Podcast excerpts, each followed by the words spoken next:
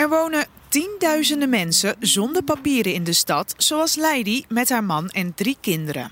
De overheid zegt dat vaccineren straks moet kunnen, maar ook nu al is het proces problematisch. Nou, we hebben bij het testen uh, al gezien dat uh, ongedocumenteerden soms worden weggestuurd omdat ze geen BSN-nummer hadden, geen vaste huisarts, allerlei praktische bezwaren, misschien soms ook taalproblemen. Wij zijn bezorgd dat dat nu ook voor het vaccineren straks uh, niet goed geregeld kan worden.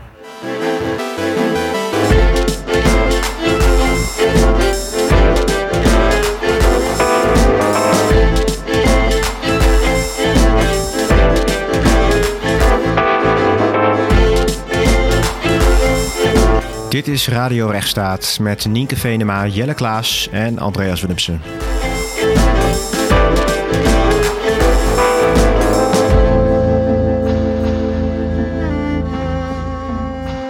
Welkom bij Radio Rechtsstaat, de podcast over waarom de rechtsstaat ook jou aangaat. Deze aflevering van Radio Rechtsstaat is een van onze COVID-19 specials die we maken in samenwerking met de Hogeschool van Utrecht. In een aantal afleveringen gaan we in op de gevolgen van maatregelen die worden genomen in reactie op de coronacrisis voor onze grondrechten en de rechtsstaat. Mijn naam is Jelle Klaas en ik zit, digitaal weliswaar, in een ruimte met co-host Nienke Venema en onze producer Andreas Willemsen. In deze aflevering willen we stilstaan bij de mensen die in Nederland wonen en die nog geen verblijfsvergunning of de Nederlandse nationaliteit hebben, namelijk de ongedocumenteerden. Welke rechten heb je wel en welke heb je niet als je niet als burger gezien wordt? En welke impact heeft de pandemie en hebben de coronamaatregelen ook specifiek op deze groep? Nou, we gaan erover in gesprek met Savannah Kolen, uh, medeoprichter van Stichting Here to Support en Amsterdam City Rights. En al jaren actief voor mensen met een wankele verblijfsstatus. Welkom Savannah, wat fijn dat je er bent. Ja, dankjewel. Um, we zijn trouwens ook in gesprek gegaan met Hidaya, die actief is voor vrijwilligersorganisaties, die werkt met ongedocumenteerden en die zelf ook ongedocumenteerd is. En haar reflecties en antwoorden, die hoor je zo ook. Maar omdat ze geen Nederlands spreekt, hebben we haar apart uh, gesproken en uh, voegen we het er tussen. Terzijde nog eventjes, als advocaat heb ik zelf ook vrij veel geprocedeerd voor ongedocumenteerden. Niet rond verblijfsrecht, uh, maar wel onder andere over die bedbad broodvoorzieningen en dat soort dingen. Dus ik zal als nou, deskundige of mensenrechtenadvocaat af en toe ook wat zeggen. Ja, goed dat je het benoemt. En uh, hoi Savannah, wellicht ook goed om te benoemen dat um, Stichting Democratie en Media, waar ik directeur-bestuurder ben, um, Amsterdam City Rights heeft gefinancierd in een project uh, voor een toolkit. Uh, dat heeft verder niet zoveel met deze podcast te maken, maar ik vind het toch fijn om het even te benoemen. Um, my name is Hidaya. I come from Uganda. I have been living in the Netherlands since 2017 September. I am an active person of Amsterdam City Rights. I am an activist. I am part of the LGBT community. I fight for the rights of undocumented people and the women on street, plus everybody who dares to come across me for any help. That's basically me. Yeah. Nou goed, dan kunnen we nu echt van starten. Savannah, kun jij ons uh, kort eens vertellen over wat jij op dit onderwerp doet in het dagelijks leven? Uh, ja, tuurlijk. Ik ben uh, directeur dus van Stichting to Support. En um, in het dagelijks leven ondersteun ik op allerlei verschillende manieren ongedocumenteerde mensen. Um, dat kunnen dus mensen zijn met allerlei verschillende soorten verblijfstatussen. Uh, eigenlijk geen, uh, uh, geen papieren. mensen die nog in een asielprocedure zitten. Mensen die half daartussenin hangen. En ook mensen die zich net in Amsterdam melden en die ja, op zoek zijn naar noodopvang. En um, ja, ik ondersteun eigenlijk vooral door mensen de weg te wijzen en te, en te vertellen waar ze terecht kunnen. Dus voor hulp, voor onderdak, voor eten, voor eigenlijk de basisrechten in de stad. En eigenlijk verschilt het aanbod daarin van dag tot dag. Dus het ene moment zijn deze criteria geldig voor deze opvang en het andere moment zijn deze criteria geldig voor een andere opvang. En soms is er wel noodopvang, een ander moment is er geen noodopvang. Dus wij proberen eigenlijk de hele tijd op de hoogte te zijn van waar mensen terecht kunnen. En ook om die mensen te zoeken en te zorgen dat ze ons kunnen vinden. En ook om te zorgen dat ze de organisaties in de stad kunnen vinden die hun kunnen ondersteunen. Ja, Het is ongelooflijk eigenlijk dat dit nodig is, hè, dat jij dat doet. En daar gaat het ook een beetje over in deze podcast. En daar hoorden we Hidaya uh, zelf ook over, over spreken. Over het feit dat er zo weinig informatie is voor mensen die hier zijn en geen documenten hebben. Uh, maar uh, nou ja, voor onze luisteraars. Um, kun je misschien wat meer vertellen over wat het betekent? Wat is een ongedocumenteerde en, en waarom deze term? Nou, ongedocumenteerde gebruik, de term gebruiken we eigenlijk vooral voor mensen die dus geen, uh, geen rechtsgeldig verblijf hebben in Nederland. Dus uh, de papieren voor, ja, om, om gebruik te kunnen maken van de diensten van de overheid eigenlijk niet bezitten. Toch kunnen ze soms wel meer, de ene ongedocumenteerde kan meer rechten hebben dan de andere. Dus het is een hele onduidelijke term eigenlijk. En het klinkt ook alsof mensen helemaal geen papieren hebben, maar heel vaak hebben mensen natuurlijk wel documenten van het land van herkomst. Dus ze zijn niet helemaal ongedocumenteerd. Uh, maar ze hebben dus niet de juiste papieren voor in, in Nederland. En in Nederland geldt dus de koppelingswet. Dus in principe heb je een BSN-nummer nodig. Als jij gebruik wil maken van diensten van de overheid. Dus dat geldt voor een uitkering, dat geldt voor onderdak, dat geldt voor um, uh, voor alle diensten die je maar kunt bedenken van de overheid. En ja, de meeste ongedocumenteerden hebben dus dit BSN-nummer niet. En dus worden uitgesloten. En er gebeuren dus, gebeurt dus wel van alles. Er zijn organisaties die dingen aanbieden. Ook de gemeente heeft nu een opvang. Daar heeft Daya denk ik ook wel over verteld. Dus het gaat om een bredere groep dan vluchtelingen of asielzoekers. En, maar het gaat wel voor een groot deel over de groep die de overheid uh, ook als illegalen aanduidt. Hè? En, en dat, ik neem aan dat jij dat ook een, eigenlijk een verkeerde term vindt, want geen mens is natuurlijk illegaal. Uh, maar dan weten we wel even dat is de, de mensen die geen toegang hebben tot. Uh, ja, precies. Ja. Uh, well, I don't really like it, but this is what people really do understand. This is how people really describe us. However much we don't really like it, we don't really find uh, a better way to put it. But when you talk about undocumented people or you talk about people without status, if you talk about people without status, it really makes a good sense. But just because very many people cannot comprehend it, so it's it's okay. It's it's okay for us to be called undocumented because you are undocumented today, but maybe the next time you try your asylum or something changes in your procedure, you'll become documented. That means you'll have your status. Wij zien dus echt een groep mensen die wel een asielverleden hebben, dus die ooit in Nederland asiel hebben aangevraagd. Dat kan heel lang geleden zijn en het kan ook heel kort geleden zijn. En die dus een, een, ja, een afwijzing hebben op een asielverzoek. Dat betekent dan nog niet meteen dat je terug kan naar land van herkomst. En het betekent ook niet dat je geen vluchteling bent. Het betekent vaak vooral dat mensen niet kunnen aantonen dat ze een vluchteling zijn. En dat ze dus extra hulp nodig hebben vaak om aan documenten te komen om dat aan te tonen. En heel vaak lukt het dan ook in tweede of derde instantie wel. Dus ik doe maar in de tussentijd ben je dus ongedocumenteerd. Klopt. En, want Jelle, jij zei al eerder in de introductie hè, dat jij uh, ook als deskundige met je meedoet aan deze podcast. Dus ik ben benieuwd uh, aan jullie allebei. Uh, wat voor mensen betreft dit nou? Hoe, hoe word je ongedocumenteerd? Hoe, hoe, hoe, hoe ziet zo'n reis eruit voor iemand? Ja, de Savannah noemde net al een aantal categorieën. Hè? Dus het, het, zijn, het zijn mensen die uh, hier komen vanuit asiel, dus die gevlucht zijn. Uh, en die uh, nou, nog midden in een procedure zitten. Heel veel van die mensen worden uiteindelijk krijgen ze een verblijfsvergunning. maar een heel deel van het, de tijd dat ze aan het procederen zijn, ja, hebben ze veel minder of geen rechten. En dat is natuurlijk heel problematisch. Nou, precies wat Savannah zei, hè, ze worden ook niet uitgezet. Nou, er is ook een groep die dan tussen aanhalingstekens uitgeprocedeerd is, maar die ook nergens naartoe kunnen. Um, ja, dat zijn ook mensen die ook moeten eten en onderdak uh, nodig hebben. En ja, dan de overheid gelooft ze niet of ze kunnen met bepaalde papieren niet aantonen dat ze uit een bepaald gebied komen. Maar ja, ze kunnen ook nergens naartoe gestuurd worden. Dus dat is natuurlijk een belangrijke groep.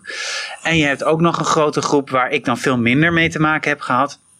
Van mensen die, die onder de radar leven, maar wel uitgezet kunnen worden. Hè. Dus bijvoorbeeld veel Brazilianen waar nu veel over te doen is. Die, die, sommigen zijn hier ook gewoon geboren. Uh, maar die komen uit landen uh, ja, die, waar mensen wel naar teruggestuurd kunnen worden. Dus voor die groep kan ook veel minder geprocedeerd worden. Want als je dan aankomt bij de rechter, zegt de rechter ja je hebt rechten in een ander land en uh, daar moet je dan maar naartoe.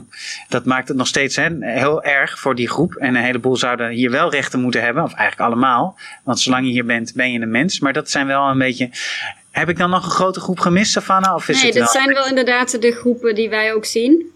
Heel weinig mensen weten hier eigenlijk van. Hè? Ook, ook door misleidende termen als illegale en illegaliteit. Uh, die, die klinken zo alsof je iets strafbaars of verkeerds hebt gedaan. Terwijl uh, dit is eigenlijk buiten de schuld, van, schuld of ook maar verantwoordelijkheid van deze mensen. Omdat ze in een situatie belanden.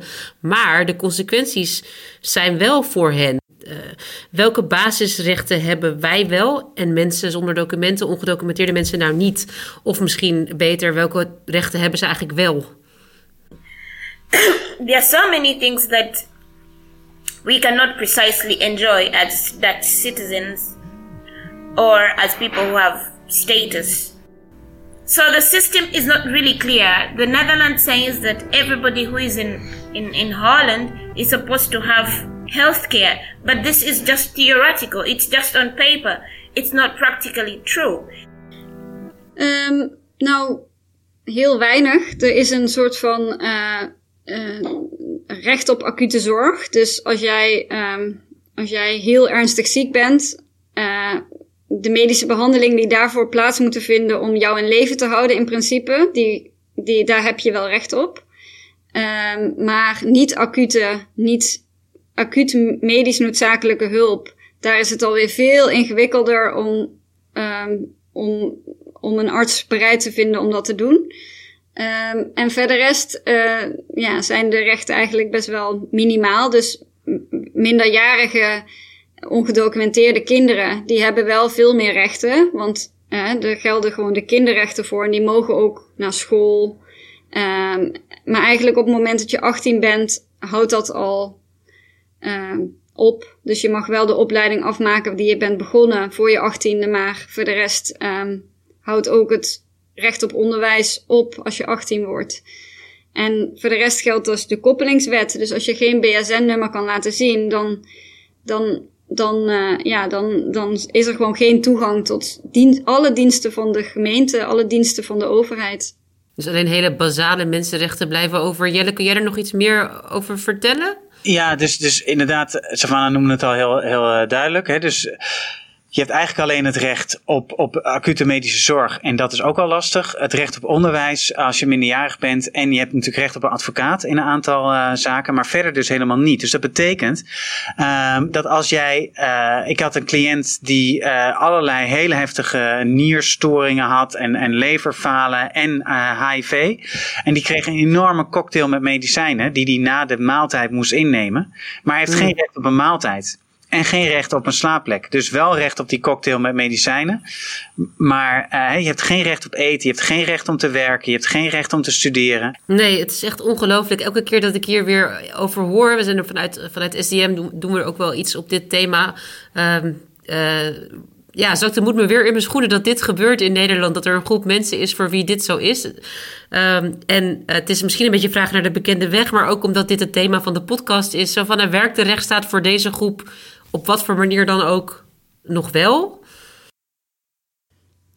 Ik denk dat uh, helaas pindakaas uh, is deze groep echt aangewezen op, uh, op dus de samenleving, de stad, de mensen die hun, die hun helpen. Um, en die wel dus mensenrechten willen waarborgen. Um, en daar zijn wij dus ook heel druk mee bezig om de hele tijd een grotere groep mensen te activeren die deze ongedocumenteerden gaat helpen om hun mensenrechten die voor hun zouden moeten gelden, om die op een bepaalde manier te laten gelden. En ik denk, ja, ik denk dat de rechtsstaat uh, er niet is voor deze groep. Uh, well, when it becomes when it comes to the rule of law, I think it's basically what I have really said in, in, in the previous statements. Everything is so peculiar when it comes to undocumented people because I know some people who have been sexually molested, some people who have been uh, offended in a way, but because they simply don't have papers, they don't have the courage to go and carry their problem forward. Why is that so? Because they fear to be deported. Wordt hier politiek iets aan gedaan? Is het iets wat naar voren kwam in partijprogramma's of is, is, hier, is hier aandacht voor in Den Haag?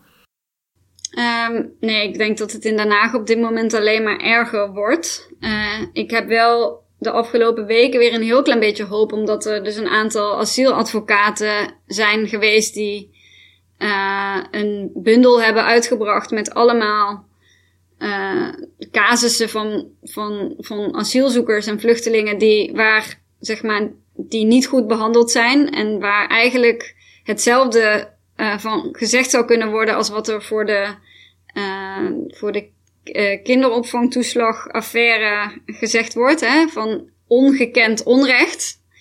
Um, en daardoor is er nu wel weer opnieuw heel veel aandacht. En er waren geloof ik zes moties deze week en die zijn allemaal weer verworpen. Dus er is wel aandacht voor dat er iets moet gebeuren. Maar ja, we hebben nou eenmaal een, een vrij rechtse uh, regering en nu een demissionair kabinet. En die gaan er gewoon, uh, die gaan er gewoon geen verandering in aanbrengen. Als ik er nog wat op aan mag vullen, ik denk, ik denk als je vraagt, werkt de rechtsstaat voor deze groep dan? Een aantal aspecten natuurlijk wel. Deze mensen hebben wel een aantal basisrechten. Ze mogen niet zomaar worden doodgeschoten door de politie of worden verhandeld als, uh, als slaafgemaakten. Okay. Uh, dus er zijn een aantal rechten die wel gelden, plus degene die we net noemden. Maar tegelijkertijd, in een land als Nederland hebben ze geen recht op eten. Ook niet als ze honger hebben. En dat is wel fascinerend. En dat komt natuurlijk in de eerste plaats omdat het hele vreemdelingenrecht zo streng is dus er is natuurlijk een groep van mensen die uit landen komen waar het heel zwaar is. En die natuurlijk, net als iedereen dat probeert te doen, het beste voor zichzelf en voor hun kinderen. Die komen dan hier naartoe. Neem de Brazilianen. Uh, ja, hier wel werk kunnen krijgen. En nou, daar kun je allerlei dingen van vinden. Ik denk dat dat ook heel logisch is.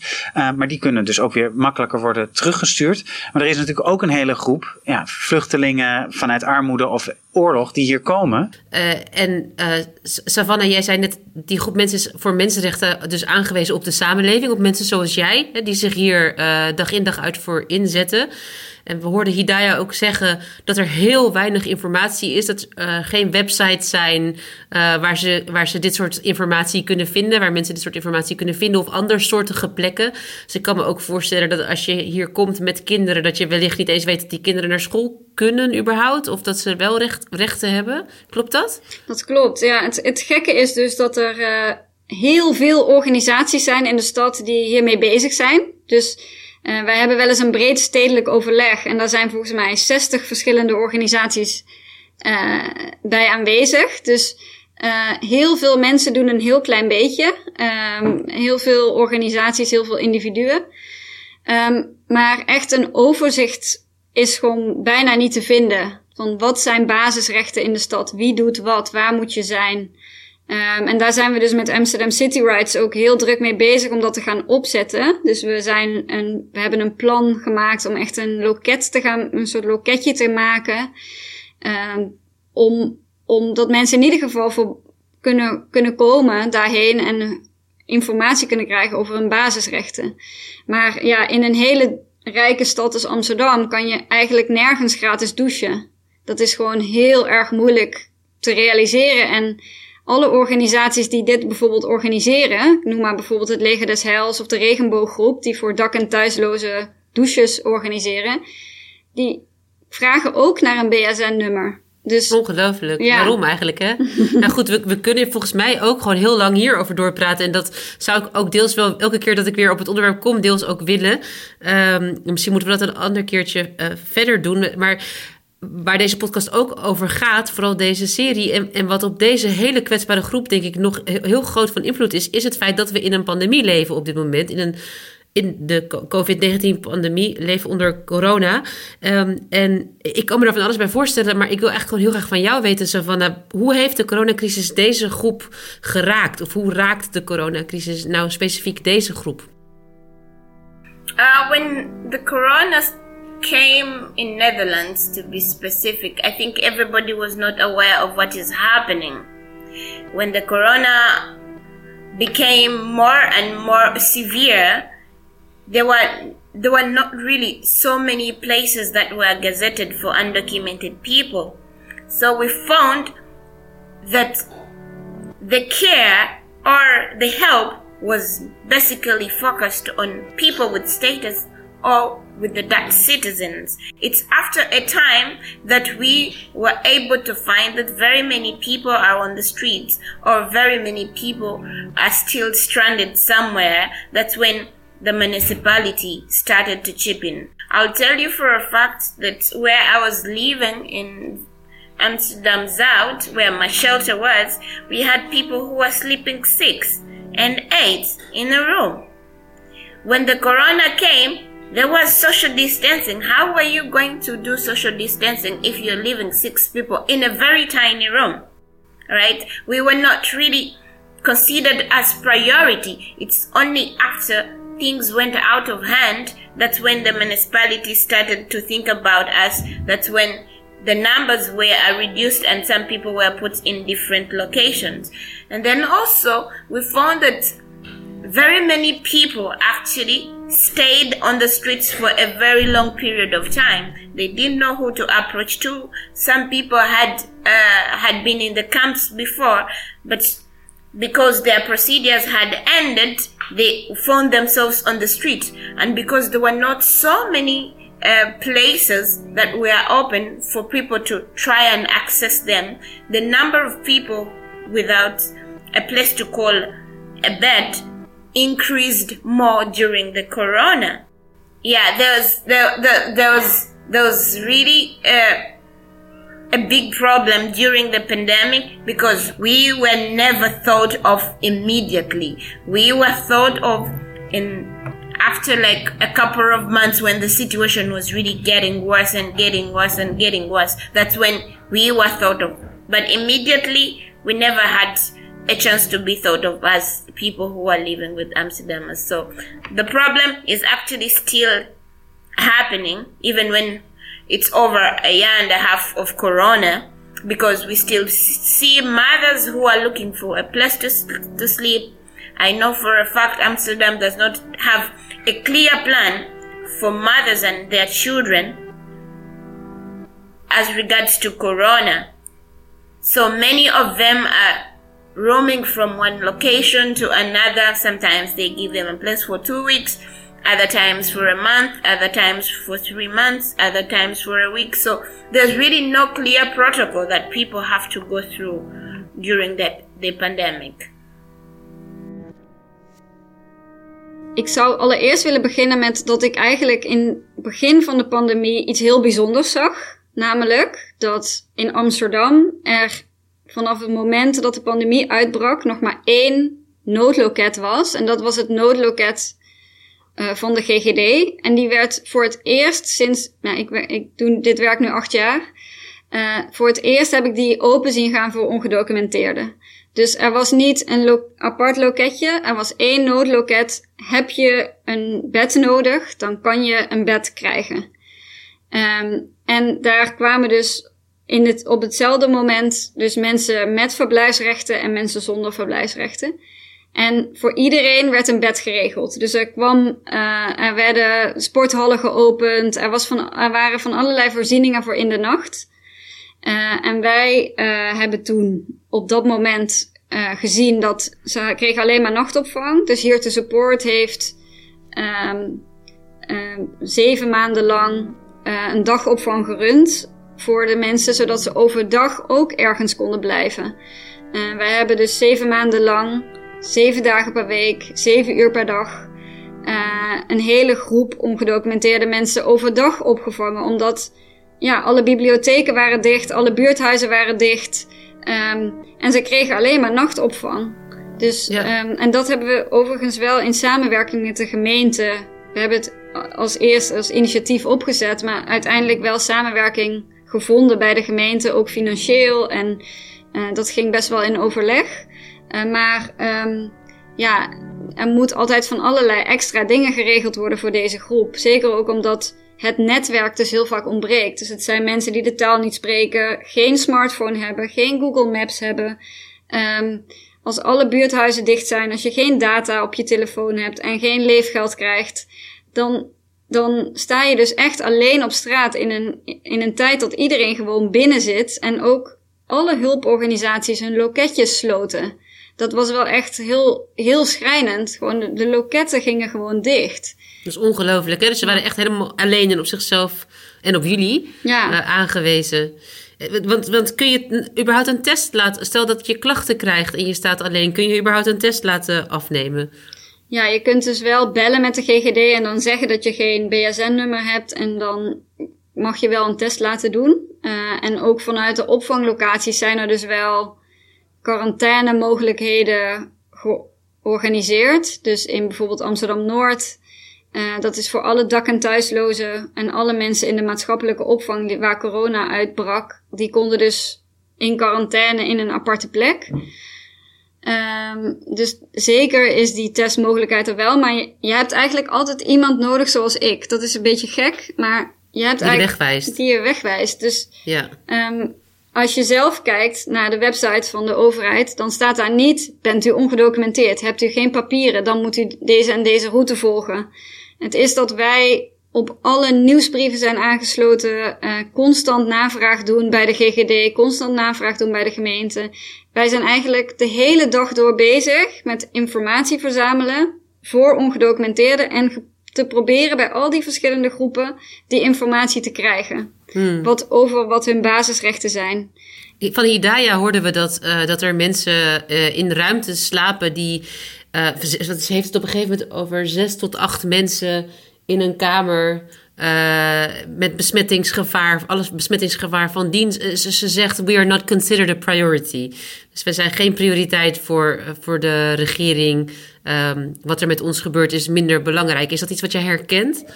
Ik herken zeker wel dat, dat het heel ingewikkeld is, zeker voor een ongedocumenteerde in deze positie, om zichzelf te beschermen. Dus je, je merkte gewoon met, bij de, toen de pandemie uitbrak dat alle ongedocumenteerde mensen die ik ken echt zoiets hadden van hoe kan ik mezelf beschermen als ik met acht mensen in een kamer woon? Of als ik met 50 tot 100 mensen in een sporthal slaap. Uh, er was ontzettend veel angst. En Um, je ziet ook eigenlijk dat die structuren die zijn opgebouwd van opvang en um, noodopvang, dat die gewoon helemaal niet aansluiten bij wat er eigenlijk echt nodig is. Want bedoel, wij kregen allemaal het uh, advies om binnen te blijven. En de GGD zei gewoon: nee, met 100 mensen in een sporthal slapen en overdag op straat, dat is prima voor jou. En heb je, wat, wat in de media veel voorbij zagen komen en ik ook op bijeenkomsten hoorde, is dat veel van de ongedocumenteerden die in leven blijven door werk uh, te doen, uh, uh, wat zwart werk, ehm, dat heel veel van hen in één keer in een groot gat vielen, hè, dat dat werk allemaal wegviel. Hebben jullie dat ook voorbij zien komen? Absoluut. Absoluut. Um, er zijn gewoon veel minder baantjes en um, en uh, wij zien ook, vooral ook die groep, zeg maar, Indonesische, uh, Filipijnse, Braziliaanse mensen die er zijn, die vooral heel veel schoonmaakwerk deden. Die zijn, uh, die zijn echt heel veel van hun werk kwijtgeraakt. En die hebben het ook veel moeilijker om hun huur te betalen. Om eigenlijk dat, dat leven wat zij in de anonimiteit als ja, als ongedocumenteerde leven in Amsterdam, dat is veel moeilijker om vol te houden. En er zijn ook allemaal fondsen en de gemeente uiteindelijk ook ingesprongen om voedselpakketten. Er is een hele alternatieve voedselbank opgezet. Omdat, hè, om, om mensen gewoon in leven te houden. Het is niet eens uh, een beetje extra. Het is gewoon echt zorgen dat mensen overleven. Uh, ja, dat zie ik wel de hele tijd. En dat komt vooral ook omdat het werk wegvalt. Ja, hey, en uh, we hadden in de vorige aflevering het ook gehad over dat vaccinatiepaspoort. Uh, waar we ons wat zorgen over uh, maakten vanuit allerlei aspecten, privacy en dat soort dingen. denk je dat ongedocumenteerden, ja, krijgen die überhaupt een prik? en, en, en, en kunnen zij zo'n vaccinatiepaspoort uiteindelijk krijgen? All all this kind of information that you're giving me right now is something I'm hearing for the first time. We're just hearing about is it called AstraZeneca vaccine or something? We're just hearing it from the tabloids on the internet and some something like that. And also there's a lot of fake news that is happening as regards to the, this vaccination. There's really no clear plan as regards the vaccination. We had a meeting uh, last week with uh, the people in charge of our shelter, and they were telling us about this. So we had questions. I personally had questions. Who is eligible to, to having the vaccine? What does the vaccine contain? Because sometimes some of us have allergies. Like me, I, am allergic to aspirin. Maybe the vaccine some an aspirin content somewhere. So we don't really have this kind of information, but we are still waiting for Khehedi to find out about uh, what this vaccine is about. Is it mandatory? Yes or not? If I don't take it, what are the consequences? What are the side effects? Because uh, in some places we have seen videos of people collapsing we have seen videos of people having reactions. We have like their skin changes and stuff like that. We've also had people who have died after taking the vaccine. They may not have died of the vaccine, but maybe they had other underlying conditions. So we don't really know this kind of information, but we are still waiting for the Khehedi to come and tell us what the vaccine is about, what we need to do, and if I don't take it, what really happens because for me, I'm really, really scared. I don't really have insurance. If I get the vaccine and my health worsens, what happens to me? Because we know also the treatment that we get from hospitals. The way I'm treated in hospital is not the same way you're going to be treated. Nou, ik denk dat dus die corona, uh, deze, deze pandemie, die laat gewoon zien waar, het gewoon misgaat in de maatschappij. Hè? Dus we, we komen er nu achter dat bijna geen enkele ongedocumenteerde een huisarts heeft. Dus een oproep van de huisarts, die komt er sowieso al niet. Maar er zijn wel organisaties, zoals bijvoorbeeld Dokters van de Wereld en zo, die zijn wel heel druk in gesprek met de GGD van komen er speciale vaccinatielocaties in Amsterdam voor ongedocumenteerden. En hoe gaat die informatievoorziening dan, hè? Want ja, daar denk ik dan de hele tijd over na. Ik ben de hele dag bezig met te zorgen dat mensen weten wat hun basisrechten zijn. Hoe, hoe bereik je misschien wel de 30.000 ongedocumenteerden die in onze, in onze stad leven? Hoe bereik je die? En als Amsterdam het lukt, lukt het dan ook in Apkoude en in Deventer en in, kijk, overal in ons land leven ongedocumenteerde mensen. Uh, kunnen die hun weg vinden dan? En komt daar dan een website voor? Of, hè, en durven mensen dan ook te gaan? Want het voelt toch als een soort van registratiemoment. En heel veel ongedocumenteerde mensen zijn bang dat als zij hun gegevens ergens afgeven, dat zij ergens geregistreerd staan. En dus ook dat mensen weten waar ze verblijven of dat ze misschien wel uitgezet worden. Dus um, en over, dat, over dat vaccinatiepaspoort vind ik wel interessant, omdat wij um, zijn dus heel druk bezig met het idee van een City ID card. Dus een soort van sleutel tot de stad. Um, wat eigenlijk niet een land, zeg maar, een nationale ID-kaart is, um, maar meer een, dat de stad mensen die ongedocumenteerd zijn ook kan registreren. Uh, zodat makkelijker mensen uh, hun rechten en basisvoorzieningen over gecommuniceerd kan worden, maar ook dat mensen dus iets hebben om te laten zien van ik hoor bij deze stad, ik ben onderdeel van Amsterdam. Hmm. En dat zou bijvoorbeeld bij zo'n vaccinatie eigenlijk heel handig zijn geweest als Amsterdam dat had. Want dan hadden ze misschien niet hun, uh, ja, ze hebben geen uh, eh, BSN-nummer, maar de stad die laat wel zien, oké, okay, jij, jij hoort bij deze stad. En het klinkt als iets heel utopisch, maar in New York zijn al meer dan een miljoen City ID-cards uitgegeven en de stad blijft gewoon doorgaan met rechten toekennen. Dus er zijn inmiddels mogen mensen met een City ID-card in New York gewoon een rijbewijs halen. Ja, het, is, ik heb, het is ongelooflijk wat, hoe groot dat verschil is. Ja. Dus zo utopisch is dit helemaal niet. Nee. Heel erg bedankt dat je, dat je hier was om uh, met ons te praten. Uh, ik, heb, uh, ik heb er weer veel van geleerd. Elke keer dat ik me in dit onderwerp verdiep is het weer zo. En ik hoop de mensen die luisterden ook. Dankjewel. Dankjewel, super tof. Graag gedaan. Yeah, I think uh, one thing I'll always emphasize, or something that I always talk about each time I'm given a platform, because I know not so many people want to dare speak out of what is happening. There's a lot of uh, media bias about undocumented people or people with without papers. People call us criminals. People call us uh, all sorts of names. People are very, very segregative and very discriminative. I mean, nobody is here unless home is a problem. No, nobody is here unless they are really in danger. We did not really choose to be here, but we found ourselves here. It's high time the people in Netherlands to acknowledge our existence. Radio Rechtsstaat is gemaakt door Nienke Venema, Jelle Klaas en Andreas Willemsen en wordt bij ons thuis in Amsterdam opgenomen. Kijk op radiorechtsstaat.nl voor alle afleveringen en meer informatie. Je vindt ons trouwens ook op Facebook en op Twitter. En vind je Radio Rechtsstaat nou interessant? Laat dan een rating en een review achter op Apple Podcasts of in een andere podcast app. Dankjewel.